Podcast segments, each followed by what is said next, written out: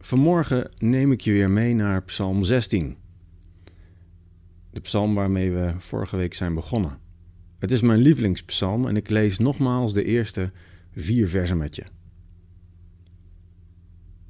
Behoed mij, God, ik schuil bij u. Ik zeg tot de Heer: U bent mijn Heer, mijn geluk. Niemand gaat u te boven. Maar tot de goden in dit land, de machten die ik vereerd heb, zeg ik: Wie u volgt, wacht veel verdriet. Ik pleng voor hen geen bloed meer.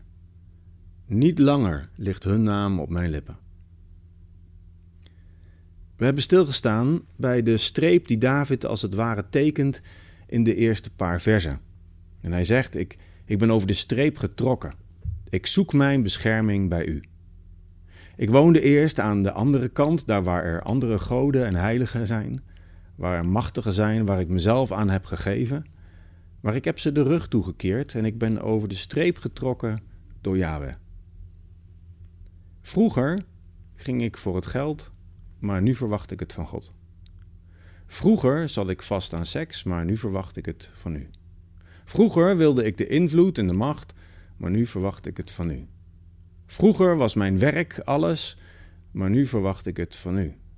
Vroeger waren mijn relaties alles, maar nu verwacht ik het van u. Het is een soort shift, een, een verschuiving die de dichter beschrijft, die plaats heeft gevonden in zijn leven. Ik offer niet meer aan de goden die ik had. En dat is, dat is een prachtig begin van een gebed. Best confronterend ook.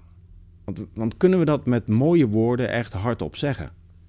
Ziet ons hart er echt uit als de buitenkant? Kun je dit bidden?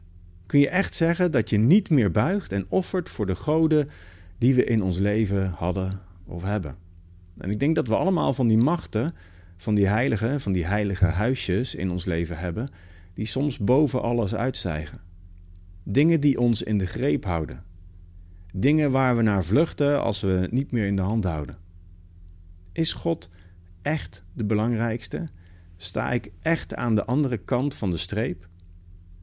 Is trouwens wel mooi, hè? Dit is een gebed, een gedicht. Het is geen dogmatiek.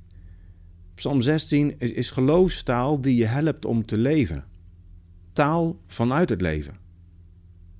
Psalm 16 brengt me dus aan het begin van het gebed bij de streep. Waar sta ik? En vaak moet ik dan figuurlijk weer die streep over, omdat ik aan de andere kant ben gesukkeld. Ik wil aan de goede kant van de streep staan. Ik, ik wil op u vertrouwen, God. Daar wil ik beginnen. Dat is prachtig, maar ook confronterend. En ook voor ons vandaag een mooie vraag om de dag mee te beginnen.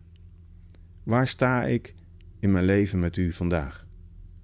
Ik wens je een goede dag toe.